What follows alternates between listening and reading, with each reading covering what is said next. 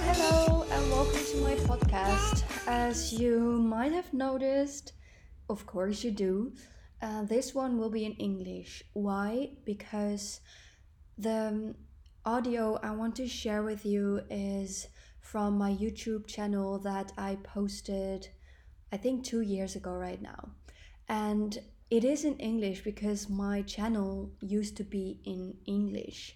And so I doubted, right? Like, should I uh, make my intro in Dutch? Because probably mostly Dutch people will listen to my podcast as my podcast is in Dutch.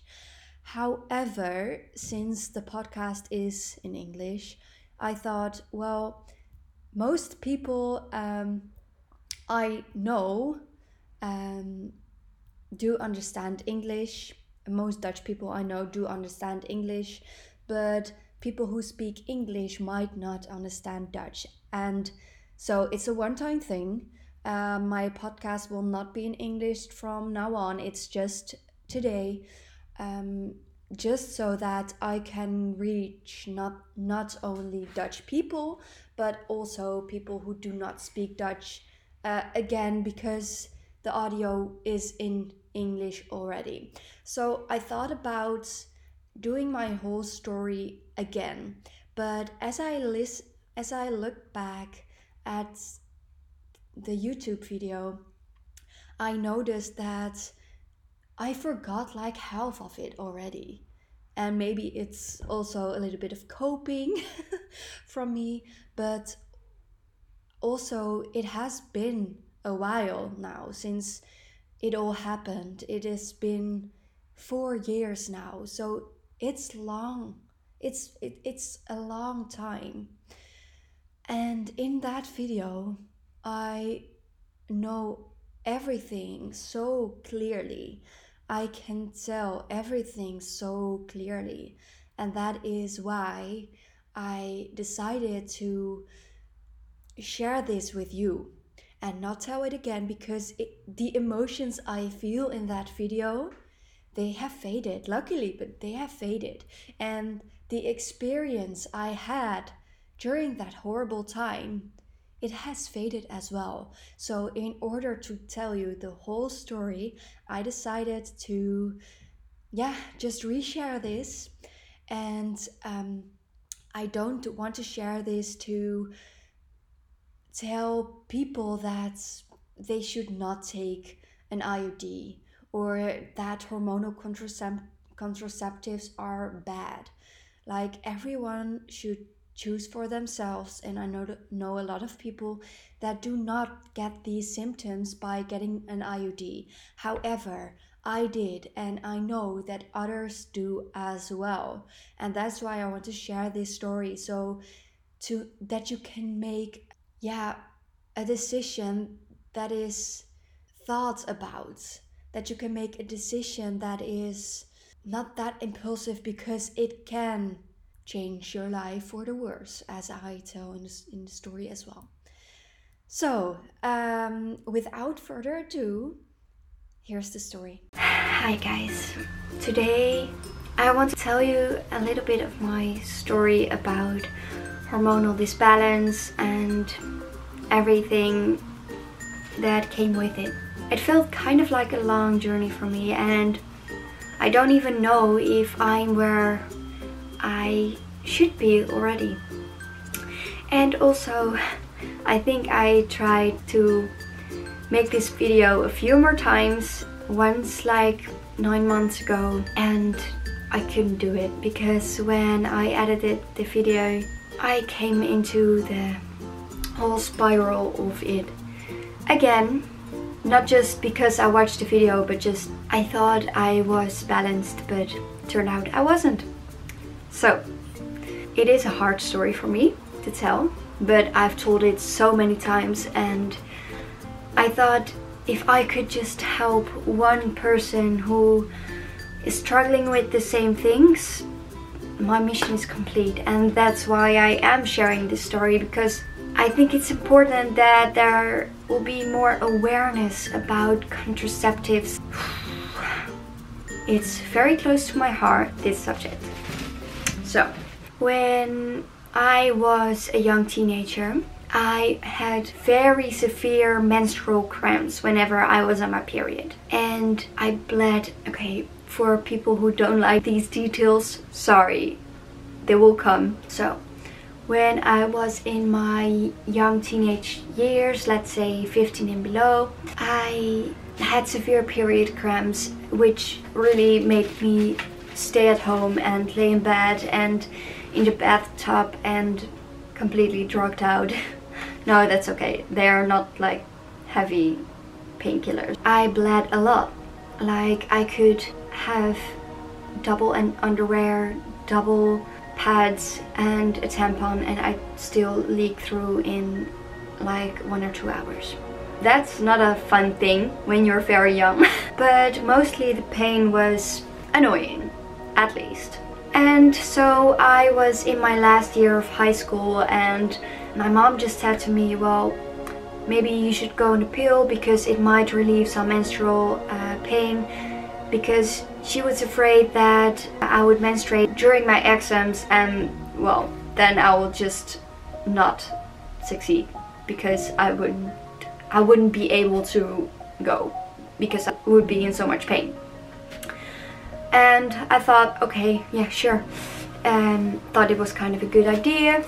And it really did relieve the pain. My periods got way lighter and the pains were just they were just annoying like they should be but they wouldn't hurt so much. I could just go on with my day. So that was very good. And I was on a pill on I don't know five years not sure. And then I decided to have Nuva rings.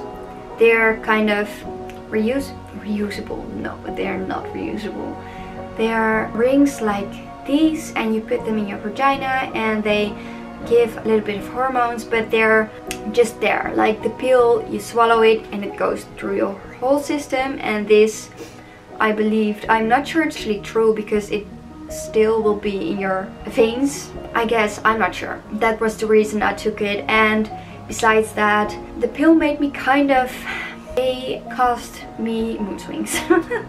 so one time I would be very happy and then a second later I would be crying. I'm not sure if they related to more of my mental issues in, in my teenage years, but they could. I don't know. And the NuvaRing was, it was good to me. You keep it in like three weeks and then you take it out for a week and then you insert a new one. It was quite expensive though. But then an opportunity came where I could have hormonal IUD for a lower price. And that was, I think this month, two years ago. And that's where really the shit happened. So I got that inserted and everything was fine, but two or three weeks after insertion, I started losing hair and it didn't stop. Maybe I can find some pictures, maybe I deleted all of it, I'm not sure. But that made me doubt everything I did. But I started doing research on it and it was not coincidental. I got my blood tested and it was all fine. There is no iron deficiency or other deficiency. I ate healthily, I ate enough. It came to the point where I lost three quarters of my hair. I used to have long hair my whole life and I always thought it was thin but like I have a few friends who have very much hair and some of them have very thick hair as well and yeah, of course, when you just have a normal amount of hair, it will look thin. But it was just normal. It was just a normal amount, but it was very long, it looked very beautiful and looked very healthy. And then it was gone. And my whole scalp was kind of fucked up. Excuse the language. It was fully inflamed. It itched so bad, but I couldn't touch it because when I would touch it, my hair would fall out even more. That was very hard and I was very ashamed. And again, I doubted daily about what I was doing was good for me. It made me so scared that I would lose everything and I would go bald or just that my hair would be so thin that I should buy a wig. That was a very rough time and others saw it as well and it affected my just overall mental health because I was constantly sad and insecure and for a woman or actually for just everyone to lose their hair like that to have daily clumps not just a few hair which is normal like it's normal to lose 100 to 150 hairs a day but just clumps and clumps and every day every day again for months but after a few months i think two three or maybe four i got my iud removed it didn't take very long before my scalp got better i also got medication from the doctor for my scalp but it didn't really work. I got my IUD removed and a few weeks or maybe a month later I noticed that my hair was coming back. It stopped falling out, like not completely but was still a bit me but it was okay. It was coming back to how it should be. And I noticed baby hairs, they were coming back, I felt good. Oh yeah, also the, when I got an IUD I also got this like weird pigment spots on my back and I had them for like a year. Weird as well. And because I still wanted it to be able to be well protected against pregnancy, I went back to the Nuva ring again. Yeah, I shouldn't have done that because my hormones were already imbalanced and then I just thought well let's just not make it better and just pretend like it is by taking another hormonal contraceptive which I clearly cannot take well it did kind of mask my issues. That's how it worked for me. And then I noticed those mood swings and blah blah blah everything I don't want and those flattening of my emotions again. So I just thought I just quit all the hormonal contraceptives and I just let my body restore. And then my hair fell out again and I don't think it was as bad as when I got my IUD but it was clear that my hormones were very mad at me again because of the, the hormonal change. My body, I think, was in shock again. That made my hair fall out again. It made my scalp fucked up again. And that felt so bad. Like, I had been through that already and it caused so much anxiety and that kind of stuff daily. And I truly believe that because I was so scared that it would happen all again and I was so stressed about it that it got even worse because one thing that isn't good for like hair loss but also uh, balancing your hormones it's stress and what did I do? I stressed out. And I of course I'm not mad at myself for stressing. It's very logical. I, I would do it like that again. It's very stressful when your hair is falling out. And again I came to a point where I was crying and not sleeping all night and looking up wigs because I really thought that it would come that far. And also because of this hormonal change I gained weight. It was clearly this change in my hormones again. And because I saw that happening and I saw my body changing and most of you know I have a history of disordered eating and seeing that change fully out of my control made me actually start binge eating again. Perfect! as if it wasn't enough. And until today I'm still struggling with that. Like, it's not as bad as then, definitely not. It was like a daily thing to just suppress these emotions. And I must say it, but of course, I panicked again. But this time, I sought help outside of my own doctor. My friend talked about this gynecologist who has a more holistic approach. So I went to her. Oh, yeah, by the way, I lost my period for like five months after I stopped using the Nuva rings. that was fun as well. Very stressful. I thought I was uh, infertile, so that was good.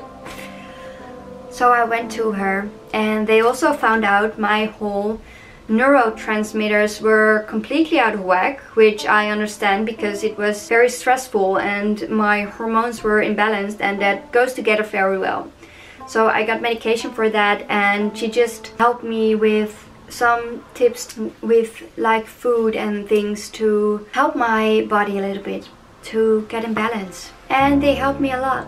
And right now, two years after I got my IUD placed, and I think maybe a year or nine months after I completely quit the hormonal contraceptives, I think I'm finally quite balanced. So my period is not very regular. I have my period every month, but it's not like the 28 days. Sometimes it's a little bit longer, but that's okay. I have my natural period. My hair is growing back insanely fast. Like I don't know if you see it, but this, these cute little things, it's all new baby hair. And when you look at the volume of my hair, like this is still a bit thin. Of course it is. But here it's getting thicker and thicker again and it grows very long again. And I'm very grateful for that happening.